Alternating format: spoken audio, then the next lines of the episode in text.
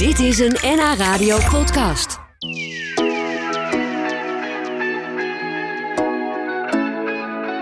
Hoe is het om moeder te worden als je zelf nog maar net van school bent? Of als je zelfs nog op school zit? Daarover ga ik praten met Laura Pavias. Zij deed mee. Dat klinkt misschien een beetje gek aan de tienermoeder van het jaar verkiezing.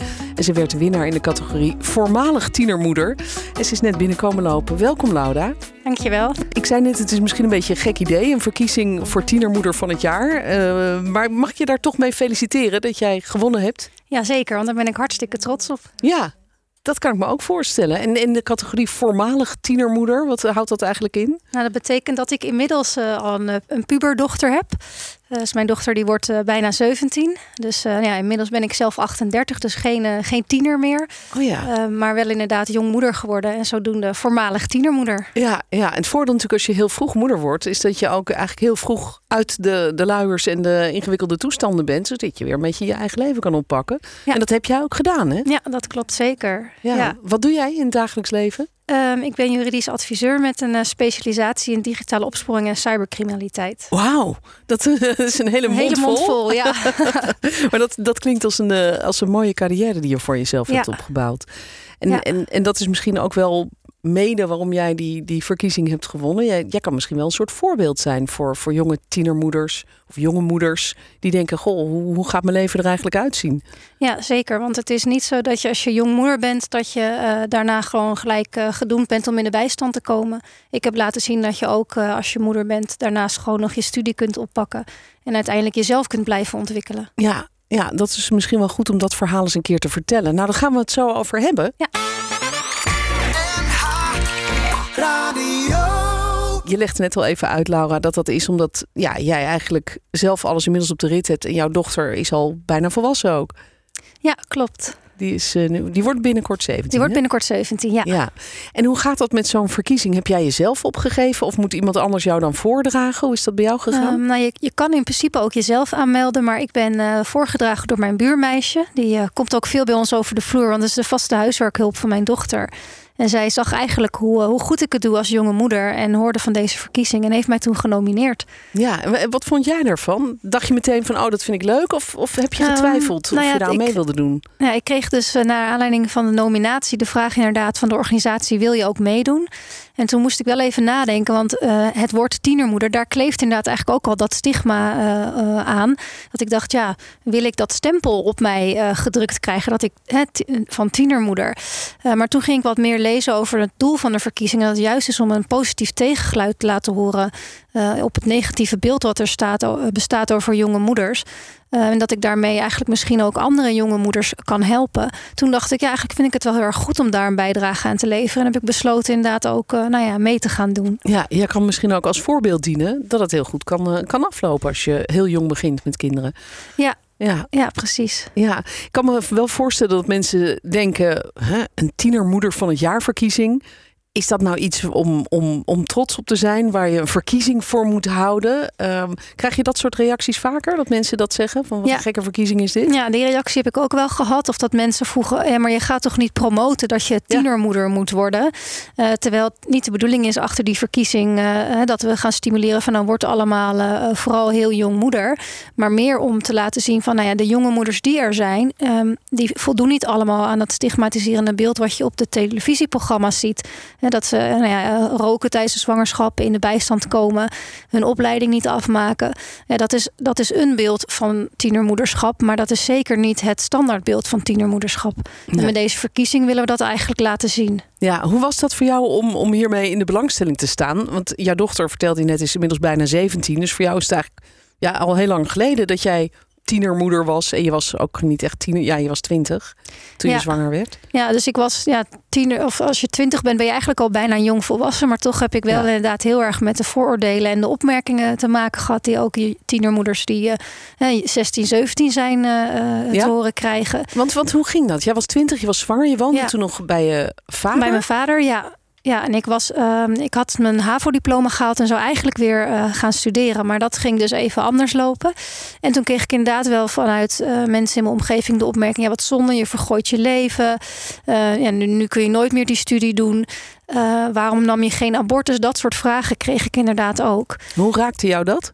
Nou, dat vond ik best wel confronterend. Want uh, nee, mijn dochter was uh, ongepland, maar zeker heel erg uh, welkom. Ja, dus je hebt niet getwijfeld. Je hebt nee. niet gedacht van, goh, ik ben nog te jong. Nee, ik had wel zoiets van, ehm, dit is een cadeautje, zeg maar. En, en je, je moet het doen met ook wat er in je leven je overkomt. Um, dus ik ging er wel gelijk voor. Um, en, en, en de vader, die was ook nog in beeld? die was op dat moment ook nog in beeld, ja, zeker. Ja. Dat hielp misschien ook nog wel wat mee. Dat je dacht, we gaan het gewoon samen doen. Ja, dat hielp inderdaad zeker wel mee. Dat je dan toch uh, nou ja, ervoor kiest om samen een gezin te gaan vormen. Um, maar ja, dan is het heel vervelend als mensen in je omgeving vervelend reageren. En gelukkig mijn directe omgeving steunen mij wel. Ja, je, je, je vader bijvoorbeeld? Ja, mijn vader inderdaad, mijn moeder ook en mijn zusjes. Uh, maar ik heb ook wel vriendinnen gehad uh, die dan zeiden van... Uh, ja, maar nu gaat jouw leven zo veranderen. Ik, ik, zie niet hoe wij dan nog onze vriendschap kunnen voortzetten. Dus ja, je merkt wel dat je ook vriendschappen gewoon daardoor kwijtraakt. Ja, ja. ja dat lijkt me ook wel lastig. Omdat je natuurlijk in die leeftijd... Hè, gaan veel jonge mensen, hè, 19, 20... juist beginnen met studeren op kamers wonen, die gaan lekker feesten. En jij zit thuis met een, met een baby en met, met luiers en, en een heel ander leven inderdaad. Eh, hoe was dat voor jou? Nou ja, voor mij was dat uh, ik als persoon veranderde niet zo heel veel. Natuurlijk, je leven verandert. Um, en ik, mijn leven werd uh, op een bepaalde manier zeker ook verrijkt. Uh, maar ik was nog steeds dezelfde Laura. dus in die zin. Um, uh, ja, vond ik het wel heel erg jammer dat er toch sommige vriendschappen uh, ja, dat niet doorstaan hebben. Want ik denk als je, als je gewoon voor open staat, um, dat, dat een baby in iemands leven zeker geen probleem hoeft te zijn. Uh, en ik denk juist omdat ik jong moeder was, was ik heel flexibel in nou ja, ook dingen combineren gewoon met het moederschap. Ja, dus jij ging ook nog wel eens uit, bijvoorbeeld? Ja, ook, ja, ja zeker. Ja. Ja, dat is misschien ook wel weer een voordeel van als je heel vroeg begint. Dan ben je natuurlijk wel super fit en, en kun je misschien de wereld nog wel wat beter aan dan als je 36 bent, bij wijze van spreken. Ja, ja dat denk ik zeker. Want uh, ja, je, je, jij bent nu ongeveer 36, toch? Ik ben nu 38, Ja. ja.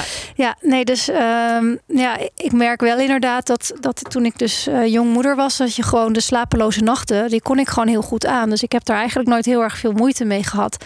Dus ik denk zeker dat jong moeder zijn ook wel echt zijn voordelen heeft uh, wat dat betreft. Ja, maar daar hangen dus wel wat vooroordelen aan vast. En daar heb jij dan toch wel last van gehad. Ja. Zou, zou je daar eigenlijk aan moeten denken om dat dan nu nog een keer te... He, je bent nu 38. Mm -hmm. Dat je, als je nu weer zwanger zou zijn... Ja, nou, ik heb daar wel eens over, over nagedacht. En ik denk, als ik bijvoorbeeld kijk naar mijn, mijn zusje, die is nu uh, 28 en is in verwachting. En die, bij haar in de omgeving reageert iedereen heel enthousiast en feliciteert haar. En uh, dat is bij mij dus eigenlijk echt wel anders geweest.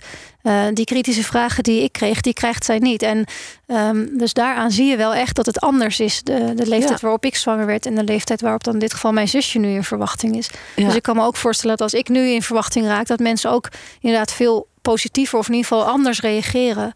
Of ze zeggen misschien, ja, je bent wel nu al een beetje oud. Dat zou ook nog kunnen, want inderdaad 38, dan zit je wel weer aan de andere kant van het uit. Dus dat is ja. misschien ook wel zo dat mensen hebben altijd wel ergens een oordeel of een mening over. Ja. En dat is uh, ja, ja, bijzonder. Ja, bijzonder is natuurlijk ook dat als je kijkt naar, naar 30 jaar geleden, toen was het eigenlijk, of 40 jaar geleden, was het eigenlijk vrij normaal dat, dat vrouwen rond hun 21ste, 22ste hun eerste kindje kregen. Dat is natuurlijk ook nog zo. Dat is natuurlijk op een gegeven moment gewoon heel erg veranderd.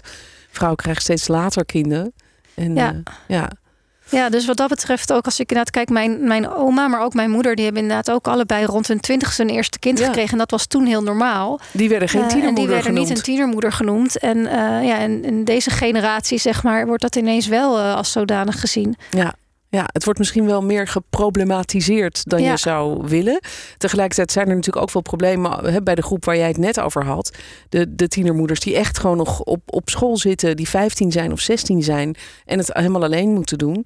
En er eigenlijk nog niet klaar voor zijn. Ik kan me voorstellen dat dat natuurlijk ook wel een groep is die dat, ja, dat is natuurlijk ook een, een, aparte problematiek, lijkt me. Ja, ik kan me voorstellen dat als je inderdaad nog net even een stuk jonger was dan dat ik uh, ja. destijds was, dat het dan een extra uitdaging is. En ik ja. denk dat dat ook wel uh, uh, een oproep is achter deze verkiezing, is ook steun deze jonge moeders ook. Dus in plaats van ze te veroordelen, hè, want we we weten allemaal, als in ieder geval uh, jonge ouders zijn geweest of zijn, dat het heel erg pittig is. En we kunnen ons dan ook voorstellen hoe dat moet zijn als je nog op school zit en um, nou ja, toch nog je leven aan het opbouwen bent. Dus in plaats van dat we ze nou ja, uh, een, een, oordeel over ze hebben als we ze op straat zien lopen, kun je ook een keer uh, um, nou ja, gewoon ze onder, ondersteunen. En zeggen: Goh, wat heb jij een leuk kind of wat doe je dat goed? Ja, ik denk dat helpen. ze daar echt wel ja. wat aan kunnen hebben. Ja, nou, goede tip. En uh, we praten zo nog heel eventjes uh, verder. Laura Pavias is bij ons in de studio. Ze deed mee aan de verkiezing Tienermoeder van het jaar en won dus in de categorie Voormalig Tienermoeder.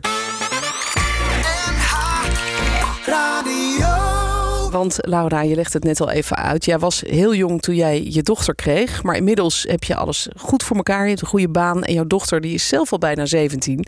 Dus uh, je bent nu geen tienermoeder meer. Maar nee. valt eigenlijk dus in die categorie. Uh, daar viel je ooit in. Hoe, hoe, was het voor jouw dochter om op te groeien met zo'n jonge moeder? Dachten veel mensen bijvoorbeeld altijd dat jullie zusjes waren? Of hoe, gaat dat? Ging dat? Um, nou, de vraag of we zusjes zijn, die krijgen we nog steeds uh, regelmatig. Um, en dat vinden, vinden we nu eigenlijk best wel heel erg leuk. Ik heb het altijd wel leuk gevonden, want voor mij is het ook een soort compliment. Um, voor mijn dochter, um, die heeft het een tijdje in de puberteit wat minder leuk gevonden. Want dan wil je gewoon het liefst een moeder die gewoon aan het normale plaatje voldoet. Ja, die en net dat, is als alle andere moeders. Die net is als alle andere moeders. Ja. ja, en het viel toch wel op dat ik dat niet ben. Of in ieder geval uh, een stukje jonger was. Dus had zij liever een oudere moeder gewild. Uh, maar nu ze inderdaad uh, nou ja, zelf ook weer wat ouder wordt en, en de erge puberteitfase voorbij is, uh, is ze eigenlijk alleen maar hartstikke trots. Ja? Wat ja. vond zij dan van dat je meedeed aan de verkiezing? Ja, vond ze heel erg leuk. Ze vond de aandacht die ik daar, daarbij kreeg, vond ze wel heel erg spannend. En dat ik inderdaad nou ja, eerder op de radio bij de ontbijttafel kort ben geïnterviewd. Maar ook dat ik in de krant heb gestaan. Dat ze dacht, oh help, mijn moeder wordt beroemd. Dat wil ik helemaal niet. We hebben ze weer geen normale moeder. ja, precies. Dan wijk je weer af van het normale. Ja. Maar uiteindelijk, toen ik won, was ze echt super trots. En, en ze noemt mij ook continu haar award-winning mom. Dus dat oh. hoor ik nog steeds elke week wel een paar keer. Wat leuk. Ah, mooi. Ze is trots op je. Ja, en, zeker. Ja, en jij op haar, denk ik. Um, Wijs. Denk je daar ook wel eens over hoe het zou zijn als zij nu op jonge leeftijd al zwanger zou worden? Als zij nu binnen een jaar of over twee jaar zegt: Mam, um, moet je wat vertellen? Ja, nou ja, dat, uh, dat zou natuurlijk inderdaad altijd kunnen gebeuren. Um, en daarmee zeg ik in alle eerlijkheid dat uh, hoop ik niet. Want ik weet zelf hoe pittig het is als je jongmoeder wordt. Um, en ik gun het haar om eerst uh, gewoon nog haar, nou ja, zichzelf te ontdekken. En nou ja, toch ook nog van haar jeugd te genieten. Um, maar ja, ik kan me ook voorstellen dat het, het kan je helaas ook overkomen. Want ondanks dat je voorboedsmiddelen gebruikt, ja, die zijn nooit 100% zeker. Dus ja, mocht het gebeuren en mocht zij dan toch de keuze maken, nou ja, ik wil voor dit kindje gaan en ik wil het houden. Ja, dan zal ik haar daarin ondersteunen zo goed als ik dat kan. Ja, um, ja je zult haar niet veroordelen. Nee, ik zal haar zeker niet veroordelen en steunen in de keuze die ze maakt. Ja, ja. En, en wat denk je dat dan het meest, je zegt het is pittig. Wat is denk je het, het, het moeilijkste? Um, Als je uh, zo jong begint? Ja, wat best wel moeilijk is, is nou, je bent zelf jezelf nog wel ook aan het ontdekken. Dus um, eigenlijk je ontwikkeling um, die je zelf uh, nou ja, in, in je jongvolwassen leven doormaakt, die maak je eigenlijk door tegelijkertijd met de rol van moeder zijn. Dus je krijgt er eigenlijk twee, uh, twee ontwikkelfases in één, zeg maar. En daarnaast moet je inderdaad gewoon meerdere ballen hoog houden. Dus je moet nog uh, uh, ja, toch je studie afmaken, werken. nou ja, gewoon zorgen dat je je, je, je leven financieel op orde krijgt. qua huis en dat soort dingen. Dat is gewoon echt een enorme uitdaging. En als het allemaal tegelijk komt, ja, dan dan, dan, dan heb je wel een pittige uitdaging dan wanneer je eerst dat allemaal geregeld hebt en dan aan kinderen begint. Ja, en, en je noemde net zelf al even het, het sociale aspect. Jouw leeftijdsgenoten, ja, ja die wilden natuurlijk uh, leuke feestjes vieren en net beginnen met, met zelfstandig wonen. Ja. Dus je komt in één klap in een hele andere fase van je leven. Ja, wat het sociaal klopt. gezien misschien wel eens eenzaam kan maken. Ja, ja en ik, ik herken dat zeker, want ik ben best wel eenzaam ook soms geweest. Omdat ik um, ja, met jongeren van mijn leeftijd had ik minder aansluiting. Want inderdaad, die gingen nog volop stappen. Uh, uh, zaten inderdaad met, waren aan, aan het studeren. En um, ja, vrijheid, blijheid. En ik had inderdaad ook nog de zorg voor mijn dochter. Ja. Maar ik merkte wel dat ik op een gegeven moment ook vriendschappen kreeg met uh, vrouwen die dan uh, kinderen hadden in de leeftijd van mijn dochter en zelf wel wat ouder waren. Um, en ook dat ik uh, op een gegeven moment ben ik deeltijd gaan studeren naast mijn baan. En dan kreeg ik ook weer via mijn studie uh, weer vrienden. Dus uiteindelijk heb ik een heel gemeleerd gezelschap aan vriendinnen uit verschillende leeftijdsgroepen. En dat heeft me in die zin dus uiteindelijk verrijkt. Oké. Okay. Dus ja. van de eenzaamheid ben ik eigenlijk naar nou ja, een verrijking gegaan. Uh, Ja, mooi. Ja. Nou, het is heel mooi hoe je vertelt eigenlijk over ja, de, de zware kanten, maar ook de, de, de, Ja. de, de, mooie kanten van als je heel jong begint met, met kinderen. Ja. Ja. Nou, ik, ik vond het leuk dat je hier was om, uh, om over jouw ervaringen te vertellen. Dat is Nou, ook precies waar die verkiezing voor is, volgens mij. Om, Ja. om het beeld een beetje bij te schaven. Wat wij misschien nu tegenwoordig kennen van dat tv-programma. Dat noemde je al even. Vier handen op één buik. Ja. Waarin eh, BN'ers dan jonge moeders helpen. Dat beeld is misschien een beetje te eenzijdig eigenlijk. Ja, ja, klopt. Ik denk dat dat beeld. eh, natuurlijk snap ik dat, eh, dat ze dat uitzenden. Want dat is natuurlijk tv om naar te kijken. Dan is het leuker als je ziet dat het misgaat. Hè, daar waar het goed gaat, dat, dat, dat scoort toch minder. Eh, maar ik denk dat het goed is dat we, dat we met deze verkiezing laten horen. Jonge moeders kunnen ook hele goede moeders zijn. En leeftijd en goed moederschap zegt niet altijd iets. Ja. ja, Duidelijk. Dankjewel, Laura Pavias, dat je hier in de studio was. bedankt. Dit was een NH Radio podcast. Voor meer, ga naar nhradio.nl. Radio.